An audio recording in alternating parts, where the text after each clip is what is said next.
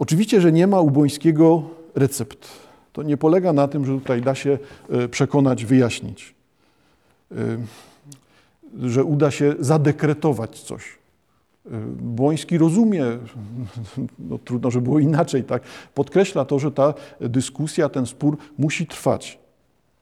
No ale co jest wskazaniem Błońskiego? Musimy całkiem szczerze, całkiem uczciwie stanąć wobec pytania o współodpowiedzialność. Nie ma co ukrywać.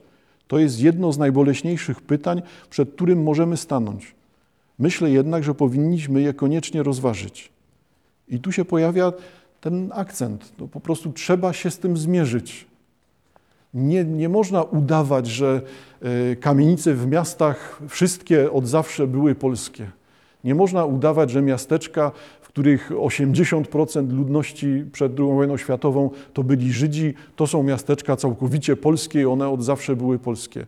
E, tutaj e, historia, tradycja, przeszłość zderza się z zupełną praktyką, jaką są e, hipoteki, prawa własności, prawa do odszkodowań. No trzeba się z tym zmierzyć, no nie ma wyjścia, po prostu trzeba sobie z tym poradzić. Jeżeli już odpowiadamy za bierność wobec zła, do tego jeszcze wrócę, na czym zasadzam to przekonanie o tej obojętności wobec zła, y, to, no to, to nie można tego tematu zostawiać. Tak? Trzeba sobie poradzić z nimi wszystkimi. To jest ta rzeczywista odpowiedzialność, a nie odpowiedzialność polegająca na generowaniu nowych legend, wspaniałych, y, niezłomnych żołnierzy. Znów oddaję głos Błońskiemu.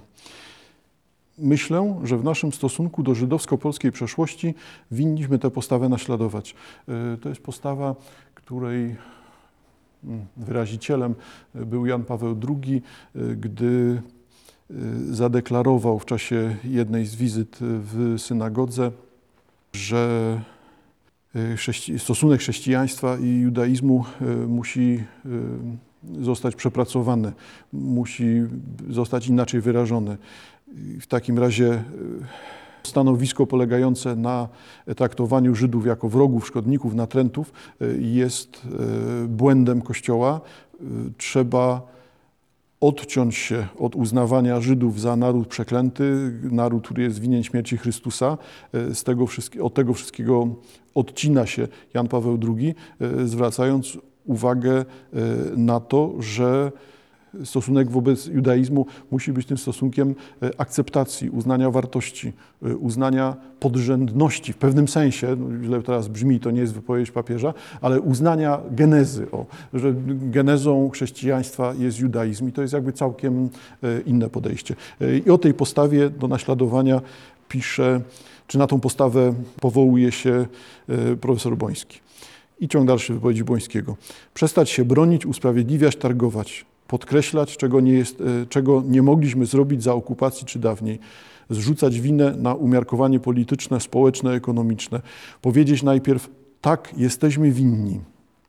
Przyjęliśmy Żydów do naszego domu, ale kazaliśmy im mieszkać w piwnicy. Kiedy chcieli wejść na pokoje, obiecywaliśmy, że wpuścimy, jeśli przestaną być Żydami, jeśli się ucywilizują, jak mawiano w XIX wieku, nie tylko w Polsce rzecz jasna. Czyli możecie być w Polsce pod warunkiem, że staniecie się Polakami. To jest ten no, ideał fałszywej e, asymilacji. Co w takim razie dalej? No, sądy e, Błońskiego podkreślają to, co jest planem, określają to, co jest planem działania e, dla Polaków. Miast się targować i usprawiedliwiać, winniśmy najpierw pomyśleć o sobie, o własnym grzechu czy słabości. Taki właśnie moralny przewrót jest w stosunku polsko-żydowskiej przeszłości konieczny. Tylko on może stopniowo oczyścić skażoną ziemię. Co w słowach łatwe, w praktyce jednak trudne. Zmienić się musi bowiem społeczna świadomość problemu. I tu zauważcie Państwo, Boński wskazuje na to, że to nie chodzi o hermetyczną dyskusję, czy, czy historyków, czy literaturoznawców. Tutaj chodzi o świadomość społeczną świadomość tego, co się wydarzyło, tego, że jesteśmy winni jako Polacy i tego, że ta wina jest widoczna w nas samych, w naszych teraźniejszych podziałach, teraźniejszych skłóceniach i teraźniejszym nieradzeniu sobie ze światem. To jest dalej wynik tych samych blokad, tego samego wyparcia, tego samego samookaleczenia, które sobie zadaliśmy, wypierając tą winę. odcinając się od niej. Zmienić się musi społeczna świadomość problemu. Domagamy się nieraz od Żydów albo od ich przyjaciół ostrożnej, sprawiedliwej oceny wspólnych dziejów. Powinniśmy jednak najpierw wyznać naszą winę i prosić o przebaczenie. W gruncie rzeczy oni tylko tego czekają, jeśli czekają. Przypominam sobie wzruszające przemówienie. Mówca zaczął od stwierdzenia, że stosunek wielu Żydów do Polski przypomina zawiedzioną miłość. Mimo cierpień i trudności ciągnął, społeczność żydowska była istotnie przywiązana do Polski. Znalazła tam bowiem dom i schronienie, możliwość bycia u siebie. Świadomie czy podświadomie oczekiwali, że jej los będzie się polepszać, że zmniejszy się ciężar poniżenia, przyszłość stanie się jaśniejsza. Stało się inaczej. Nic się już kończył nie zmieni. Żydzi nie mają i nie mogą mieć żadnej w Polsce przyszłości. Powiedzcie więc tylko, e, wołał, że w tym, co się stało, nie było naszej winy. Niczego innego nie chcemy, ale z takiego przyznania nie możemy zrezygnować. I ciąg dalszy Bońskiego. Oznacza to po polskiej stronie przyjęcie winy. Ale tu pojawia się po raz ostatni strażnik Kret i pyta pełnej winy, czy także współwiny za ludobójstwo? Słyszę już wołania, jak to? Przecież myśmy na Boga nie brali w ludobójstwie oddziału. Tak, to prawda, odpowiem. Nikt rozsądny nie może powiedzieć, że Polacy jako naród brali w ludobójstwie udział. Co prawda, odzywają się czasem takie głosy i należy je spokojnie rozważyć, nie popadając w gniew. Gniew znak paniki. Uważam je wszakże razem ze znaczną większością za niesłuszne. Więc dlaczego mówić o ludobójstwie, o współwinie? Odpowiem tak. Współudział i współwina to nie to samo. Można być współwinnym, nie biorąc udziału w zbrodni. Najpierw przez zaniechanie czy przeciwdziałanie niedostateczne. A kto może powiedzieć, że było ono w Polsce dostateczne? Właśnie dlatego, że dostateczne nie było, składamy hołd i otaczamy czcią tych wszystkich, którzy to heroiczne ryzyko podjęli. I dalsze wypowiedzi Bońskiego. Ta współwina jest rzeczywiście wspólna. Chodzi o kontekst Europy, chrześcijaństwa. Wspólna. Ale nie sposób zaprzeczyć, że właśnie w Polsce było Żydów najwięcej. Więcej niż dwie trzecie Żydów na świecie to Żydzi polscy. W tym znaczeniu, że ich przodkowie mieszkali na ziemiach przedrozbiorowej Rzeczypospolitej. Z konieczności myśmy więc mieli wobec nich najwięcej moralnych zobowiązań. Czy były one na nasze siły, niech rozstrzyga Pan Bóg, rozważają historycy. Więc dla nas Żydzi byli najbardziej problemem, można nawet powiedzieć, wyzwaniem czy zadaniem, które postawił los. Wobec tego, czym zamyka swój esej Błoński, ostatni akapit? Czy doprowadził do wzięcia udziału w ludobójstwie? Nie. Kiedy czyta się to, co o Żydach wypisywano przed wojną, kiedy się odkrywa, ilu było w polskim społeczeństwie, ile było w polskim społeczeństwie nienawiści, można się nieraz dziwić, że za słowami nie poszły czyny, ale nie poszły albo szły rzadko. Bóg tę rękę zatrzymał. Tak, Bóg, bo jeśli nie wzięliśmy udziału w tej zbrodni, to dlatego, że byliśmy jeszcze trochę chrześcijaninami, że w ostatniej chwili pojęliśmy, jak szatańskie to było przedsięwzięcie, ale od współwiny wcale nas to nie uwalnia. Skażenie, zbezczeszczenie polskiej ziemi miało miejsce i dalej ciąży na nas obowiązek oczyszczenia. Chociaż na tym cmentarzu sprowadza się już tylko do jednego, do obowiązku zobaczenia naszej przeszłości w prawdzie. Z jednej strony mało i dużo, to czym zamyka Błoński. Zobaczenie naszej przeszłości w prawdzie. Wygląda to na punkt wyjścia, podstawę, no ale tymczasem jest to właśnie tym zagadnieniem, które E, od tego 87 roku, od publikacji tekstu Błońskiego, jest dalej przed nami. Dalej tej prawdy nie ma. Polacy wolą zakłamaną historię, zakłamaną tożsamość, no dlatego, że jest ona prostsza, tak, cukierkowa, bardziej pospolita. Tekst Błońskiego dalej powinien być wyzwaniem, powinien, powinien rozdrapywać te rany, bo zarosną nam błoną podłości. Więc trzeba do tego tekstu wracać. Moim zdaniem ten tekst wskazał na coś, co było tak wielkim zadaniem, obowiązek zobaczenia naszej przeszłości w prawdzie, że w 1987 roku nic takiego nie zaistniało. No więc ponad 30 lat później dalej mogę powiedzieć to samo. Sytuacja nie uległa zmianie. E, następna sprawa to to, że proszę zauważyć, jak bardzo ostrożny jest Błoński w tym, co pisze w ostatnim akapicie. Jesteśmy jednak ponad 30 lat później. Czy rzeczywiście Błoński, który y, pisze o tym, że za słowami nie poszły czyny, albo szły rzadko te czyny. Bóg zatrzymał rękę, byliśmy chrześcijaninami. No, współcześnie, proszę Państwa, jednak y, sięgając do obszernej literatury y, pojawiającej się i w Polsce, i na świecie, dotyczącej tego, co działo się na ziemiach polskich w czasach przed II wojną światową, w czasie II wojny światowej i w latach powojennych, e, no to ja już tak śmiały jak Błoński bym nie był, żeby mówić o tym, że rzadko szły te czyny. Nie. Po prostu Błoński w 1987 roku nie ma jeszcze tych źródeł, nie ma jeszcze tego, tej, tej wiedzy, która pojawia się w ciągu ostatnich kilkudziesięciu lat. A to jest właśnie ta wiedza dotycząca aktywnego uczestnictwa Polaków w ludobójstwie. Owszem, polega, wina polega na bierności, polega na niepodejmowaniu e, nie, prób przeciwstawienia się mordowaniu Żydów, ale coraz więcej pojawia się źródeł wskazujących na to, w jakim stopniu, zakresie, miejscach, datach Polacy nie sprzyjali i sekundowali, tylko uczestniczyli sami mordowali. To nie jest kwestia tylko zbrodni w Jedwabnem, chociaż ona jest znowu rozpoznawalna z ostatnich kilkudziesięciu lat, a jest w rzeczywistości czubkiem Góry Lodowej, który przecież ma pod sobą całą masę miejsc, w których sytuacje wyglądały tak samo. Słowem, pomimo istnienia czy pojawienia się przez te ponad 30 lat potężnej ilości źródeł, dalej jesteśmy w punkcie wyjścia. Dalej e, to, o czym pisze Miłosz w 1945 roku, e, to w jaki sposób Błoński podejmuje wątek współwiny, współodpowiedzialności wyjęty z e, wypowiedzi Miłosza, dalej jest tą rzeczywistością nieprzepracowaną. Dalej tą rzeczywistością, która jest dla Polaków obca, albo inaczej powinna być dla Polaków wyrzutem sumienia, a okazuje się, że, no, że jakby nic nie zostało zrobione przez te 30 lat. Proszę Państwa, no, na co zwracam uwagę, co pojawiło się tutaj w wypowiedziach Bońskiego e, bez wartości liczbowych. Jesteśmy w II Rzeczypospolitej końcówka lat 30. Jesteśmy chwilę przed II wojną światową. E, oszacujmy, że ludność Rzeczypospolitej to 34 miliony obywateli.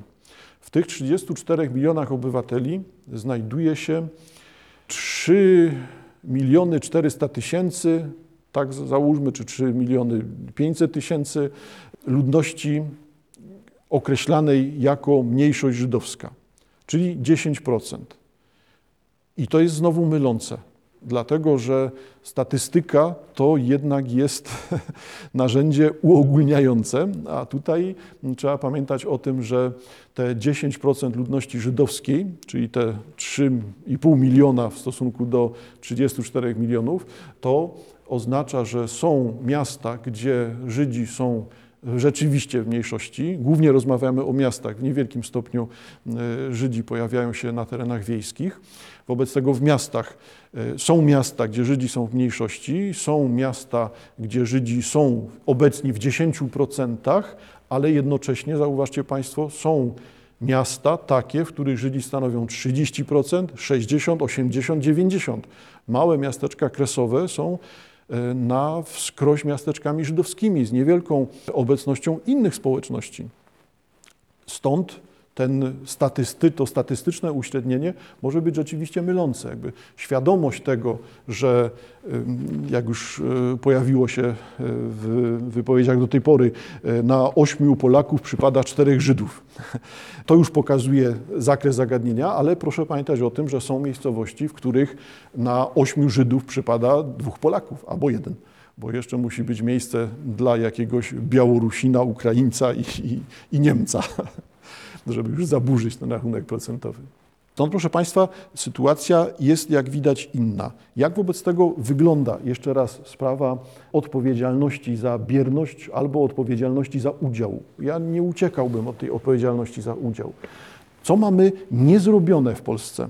Po refleksji raczej, raczej dłuższej, no, zwracam uwagę, zwróciłem uwagę celowo e, na państwo, które wygląda na na państwo, będące sztandarowym, państwo wizerunkowe, czyli w sytuacji Unii Europejskiej ta Unia Europejska, w której uczestniczymy, no miałaby swoją esencję, miałaby ten swój model państwa, współistnienia różnych języków, kultur obywateli, zrealizowany no, w tymże państwie centralnym, no, czyli lądujemy w Belgii. Co w takim razie o tym, jak Belgowie zareagowali na Holokaust, co się tam wydarzyło. I tutaj znajdziemy ciekawy materiał, którego nie ma w Polsce.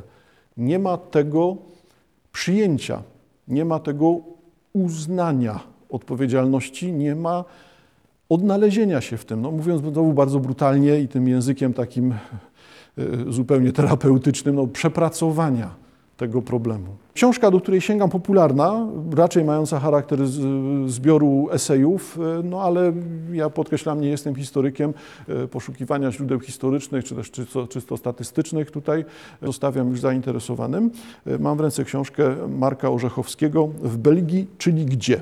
Książka, tak jak wspominałem, złożona z szeregu esejów, książka z 2019 roku, więc stosunkowo świeża i sięgam do fragmentów książki, w których pojawiają się właśnie te inne sposoby przyjęcia, przepracowania odpowiedzialności za Holokaust.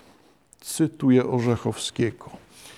Na wizerunku Belgii, który i tak z wielu powodów rzadko bywa wyrazisty, cieniem kładzie się podjęta w okresie okupacji dobrowolna kolaboracja. Mówimy oczywiście o II wojnie światowej.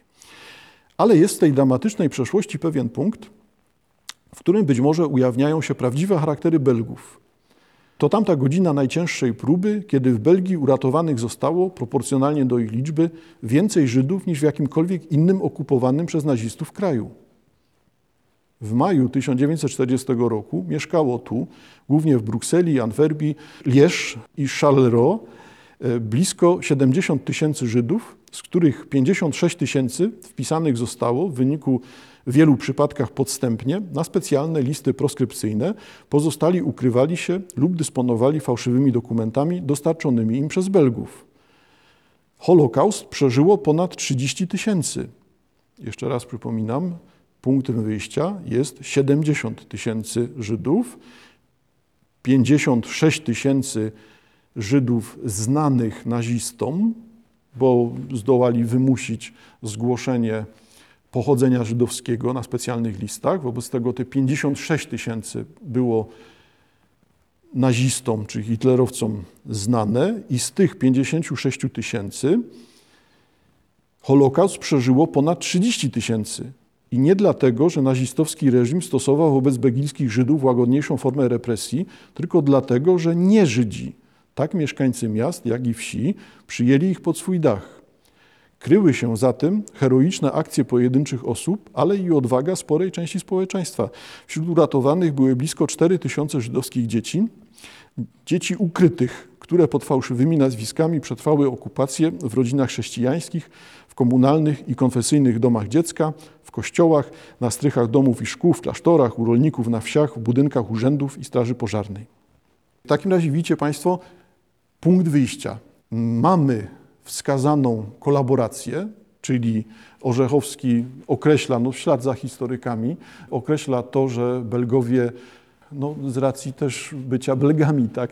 E, niderlandzki, francuski i niemiecki to są języki Belgii, wobec tego tu nie ma e, tego konfliktu powiedzmy, konfliktu e, pomiędzy Niemcami a państwami słowiańskimi nie? i całej tej ideologii panów, która by się tu przewijała. Belgowie mają inny status, no, ale okazuje się, że to właśnie ci Belgowie zajmują się walką z nazistami i przeciwstawiają się Holokaustowi w sposób tak skuteczny, no bo no nie za bardzo jest co porównywać. Za chwileczkę będziemy to widzieli w następnych określeniach. Czyli, proszę Państwa, jeżeli znowu patrzymy na historię e, belgijską, w przeciwieństwie do innych, Orzechowski ma głos, w przeciwieństwie do innych okupowanych krajów, eksterminacja Żydów belgijskich jest bardzo dobrze udokumentowana. Zachowały się nie tylko listy transportów z nazwiskami skazańców, ale i całe archiwum brukselskiej Służby Bezpieczeństwa SS, która je organizowała. Pozwala to historykom dokładnie odtworzyć wiodący szlak śmierci. Y, Przez obóz przejściowy przeszło 25 257 Żydów, 351 Romów. Wyjechało z niego 28 transportów, ostatni 31 lipca 1944 roku. Mamy tutaj u Żachowskiego przegląd tego, co się wydarza i znowu wnioski z formy ludobójstwa, która miała miejsce w Belgii. Czy nie było w takim razie w Belgii ludzi podłych, sprzedajnych, denuncjatorów? Czy nie było hien żerujących na cudzym nieszczęściu? Byli, oczywiście byli. Spektrum ludzkich zachowań i postaw było takie samo jak wszędzie indziej. Działali donosiciele, kolaboranci, a zastraszeni członkowie Judenrautu, jak wszędzie, łudzili się, że ustępstwami i zginianym karku, własnym poniżeniem poprawią los społeczności żydowskiej. Uratują ją przed najgorszym. Wobec rozmiarów zła zabrakło wyobraźni również ofiarom, a może przede wszystkim ofiarom. 13 lutego 2007 roku Brukselski Instytut Badawczy opublikował opracowany na zlecenie Senatu raport, w którym zarzucił władzom belgijskim, że pomagały Niemcom w prześladowaniach Żydów. Zauważcie Państwo, o czym pisze Orzechowski. O stanowisku oficjalnym. Instytucja państwowa na życzenie samych struktur państwowych, Senat, składa tego typu raport, w którym przeprowadza ocenę własnych błędów. To nie jest nic ukrytego. Tutaj pojawia to się w sposób jawny. Nie jest dyskusją, którą trzeba wyciągać spod dywanu czy z szafy, tylko pojawia się w głównym nurcie. Raport, w którym zarzucił władzom belgijskim, że pomagały Niemcom w prześladowaniu Żydów. Belgijskie państwo przyjęło postawę uległą, godząc się w wielu różnych, ale kluczowych dziedzinach na niegodną kraju demokratycznego współpracę, stwierdzili autorzy. Granica pomiędzy współpracą bierną a aktywną została szybko przekroczona, powiedział dyrektor tej komisji w Senacie. W liczącym ponad tysiąc stron dokumencie przytoczono przykład Antwerpii, skąd naziści deportowali 65% mieszkańców pochodzenia żydowskiego. Z Brukseli, której burmistrz odmówił udziału administracji w prześladowaniach, tylko 37%. W ocenie autorów niedostatek demokracji w latach poprzedzających zajęcie kraju przez Niemców, a także ksenofobiczna, nierzadko antysemicka kultura belgijskich elit, elit rządzących w mniejszym lub większym stopniu otworzyły drogę do kolaboracji i uczestniczenia w eksterminacji Żydów. Prześladowania były często wynikiem inicjatywy władz niskiego szczebla, stwierdzali historycy i zarzucili, zarzucali ówczesnym władzom, że bez protestu przyglądały się deportacjom ludności żydowskiej do obozów zagłady. I zauważcie Państwo, to jest oficjalny dokument, oficjalne stanowisko ujawniające te błędy, czy no nazywające je wprost. To jest coś, co nie istnieje w Polsce. Nie ma tego stanowiska, a Instytut Pamięci Narodowej w, w tych zagadnieniach Zresztą nie wiem w jakich innych, no ale w tych zagadnieniach, no cóż, nie, nie istnieje, nie porusza się, nie zajmuje e, i woli te swoje zadania o charakterze mitotwórczym uprawiać. Dalszy ciąg Orzechowskiego. No zauważcie Państwo, jak to wygląda w, Belgii. w Belgii. To były ostre słowa i gorzkie rozliczenie z okupacyjną przeszłością. Z pewnością słuszne. Ale przecież w pamięci uratowanych pozostały przede wszystkim inne obrazy poświęcenia i odwagi ze strony tych bardzo licznych, którzy stawili opór terrorowi, także z narażeniem własnego życia. Żaden okupowany kraj w zajętej przez hitlerowców Europie nie był wolny. Nie był więc i demokratyczny. Nie była taka i Belgia.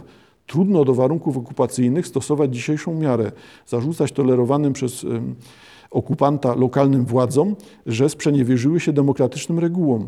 Pomaganie Żydom było karane także w Belgii, a mimo to większość Żydów belgijskich uszła nazistowskim katom. Przez Europę pędziły setki, jeśli nie tysiące transportów na wschód do obozów, a jednak tylko jeden zatrzymany został na linii śmierci, ten pod Brukselą, dzięki odwadze trzech żydowskich bojowników, belgijskiego maszynisty, który już i tak ukrywał w swoim domu młodego Żyda. Zaznaczony tu w jednym zdaniu mm, epizod dotyczy no, takiej właśnie akcji dywersyjnej, e, akcji polegającej na tym, że doprowadzono do wykolejenia pociągu e, dzięki współpracy belgijskiego maszynisty i Żydów. Tych e, tylko wspomnianych tutaj trzech żydowskich bojowników i tego maszynisty. Dzięki temu pociąg się zatrzymuje, Żydzi z tego transportu mają umożliwioną ucieczkę. O, tylko tak wyjaśniam na marginesie. E, Znowu, e, jakie jest podejście, podejście Belgów do tego, co się wydarza? Znowu cytuję Orzechowskiego. Pamięć o Shoah, Shoah e, to jest Holokaust, tak, zagłada Żydów. Pamięć o Shoah to nasze przeznaczenie i obowiązek, powiedział w La Monnaie premier Laterme, wzywając do czujności wobec wszelkich przejawów antysemityzmu. Wszyscy jesteśmy dziećmi Shoah, a pojednanie dokonuje się poprzez pamięć. Talmud mówi, że kto ratuje jedno życie, ratuje cały świat. W Yad Vashem, na liście sprawiedliwych wśród narodów świata, zapisane są nazwiska 1742 Belgów. Belgom przypada tam piąte miejsce, chociaż tylko co dwusetny z nich był Żydem. I teraz Państwo zauważcie, co padło. W Polsce, jeżeli trzymamy się tej statystyki, o której przed chwilą wspomniałem, co dziesiąta osoba to byli Żydzi. Tutaj co dwusetna osoba w Belgii. Belgowie ocalili ponad połowę Żydów. W Polsce 3,5 miliona z 3,5 miliona, czy tych 3 milionów 400 tysięcy e, ocalało około 300 tysięcy. Wobec tego 90% Żydów nie ocalało w Polsce. Ta różnica powinna być bardzo boleśnie odbierana przez Polaków. Ja rozumiem, że nie ma co porównywać sytuacji Słowian i sytuacji Belgów. Jasne. Nie da się porównywać struktur państwowych utrzymanych w Belgii, chociaż podporządkowanych e, nazistom, z państwem podbitym przez nazistów, ale też z państwem, w którym funkcjonowały dalej służby polskie, typu granatowa policja, e, która znajdowała się pod rozkazami Niemców. Wobec tego, czy rzeczywiście nie da się tego porównać? To, że w Polsce groziła kara śmierci za przechowywanie, ukrywanie Żydów, e, a w Belgii groziły kary i konsekwencje, no to też jest rodzaj no, przepychania się, rodzaj y, przesuwania odpowiedzialności.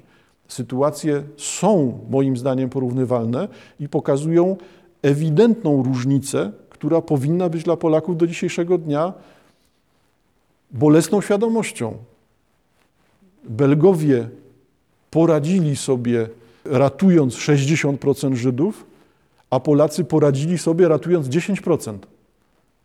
To coś mówi, a mówi o tym, co znowu jest tą ewidentną, no, przeklętą prawdą. Prawdą o współwinie, współodpowiedzialności, o masowym poparciu Holokaustu w Polsce. O tym, że dla Polaka do dzisiejszego dnia Żyd jest słowem obraźliwym. I jesteśmy tyle dziesięcioleci po Holokauście i dalej jesteśmy w tym samym miejscu cała tematyka żydowska, tematyka Holokaustu dla Polaków jest sztucznie wymyślonym problemem, kłamstwem, manipulacją i wpływami sił zewnętrznych.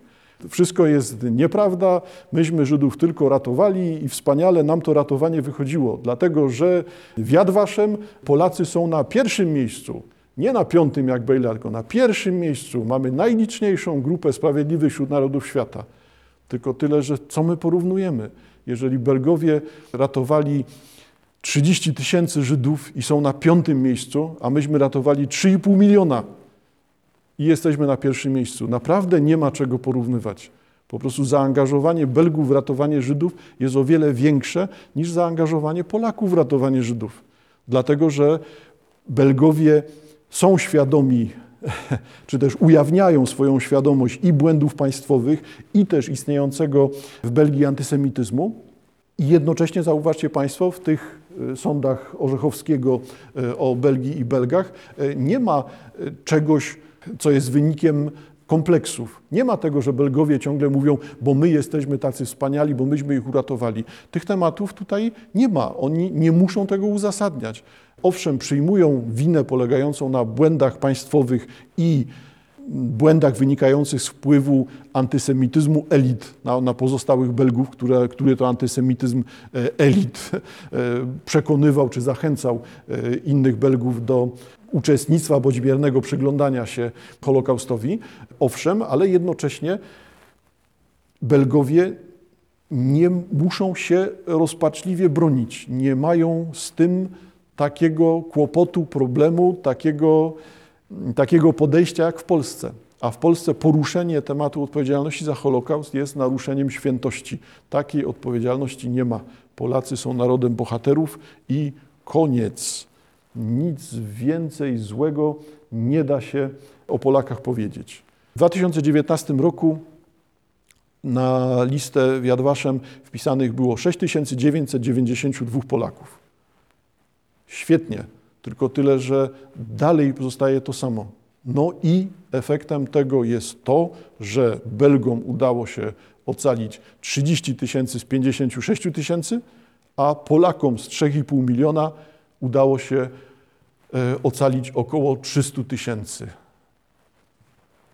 No to to jest tylko efekt wielkiej liczby, te 6900 sprawiedliwych.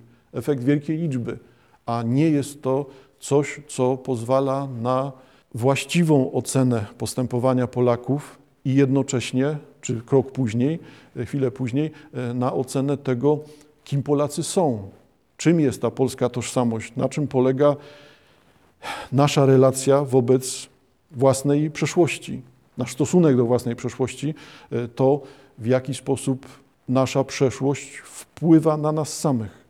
Czyli brak tej świadomości, szermowanie, nadużywanie takich właśnie argumentów, że bo my jesteśmy na liście sprawiedliwych narodów świata na pierwszym miejscu, a usuwanie z tego, skąd się bierze to pierwsze miejsce, jest ewidentnym znów tak, budowaniem politycznej narracji. Jest rodzajem no, protezowania sobie wartości. Skoro już nie mogę sam, to sobie coś powymyślam. To tak to ustawię, tak to przedstawię, żeby jednak wypaść dobrze. No ale w rzeczywistości jest to tylko propagandowa manipulacja. Polacy są współwinni. Polacy odpowiadają za też aktywny udział w Holokauście. Wobec tego, jeżeli nie poradzimy sobie z tym, jeżeli nie uznamy tego, nie zobaczymy, że naszą słabością, nasze poczucie niższości powszechne wśród Polaków, nasza chęć do upodlania samych siebie, w postaci alkoholizmu chociażby. To wszystko wynika z nieuświadomionej winy. Wynika z tego, co mamy nieprzeżyte, nieprzemyślane, niezaakceptowane. Nie stało się to zło częścią nas samych. No to jeżeli jesteśmy w takim właśnie miejscu, cóż, nie chciałbym tak kończyć, tak, ale to no, źle rokuje źle rokuje, bo na tym nie da się nic zbudować. Y, proszę Państwa, no, sprawy rzeczywiście zostają do przemyślenia.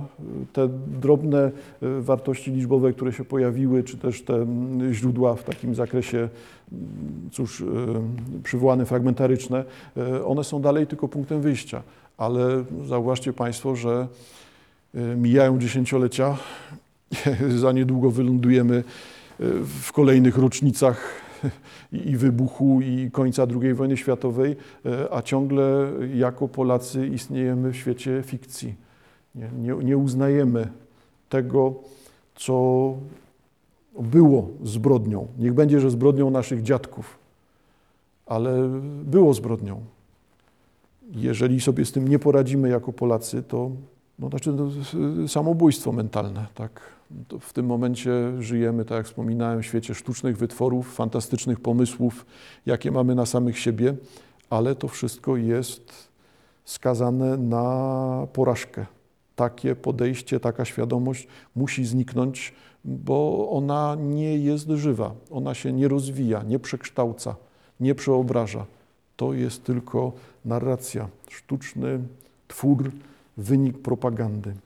Ciekawą rzeczą jest oczywiście cały przekrój literatury współczesnej, która porusza tematykę Holokaustu i porusza tematykę tej współwiny, współodpowiedzialności.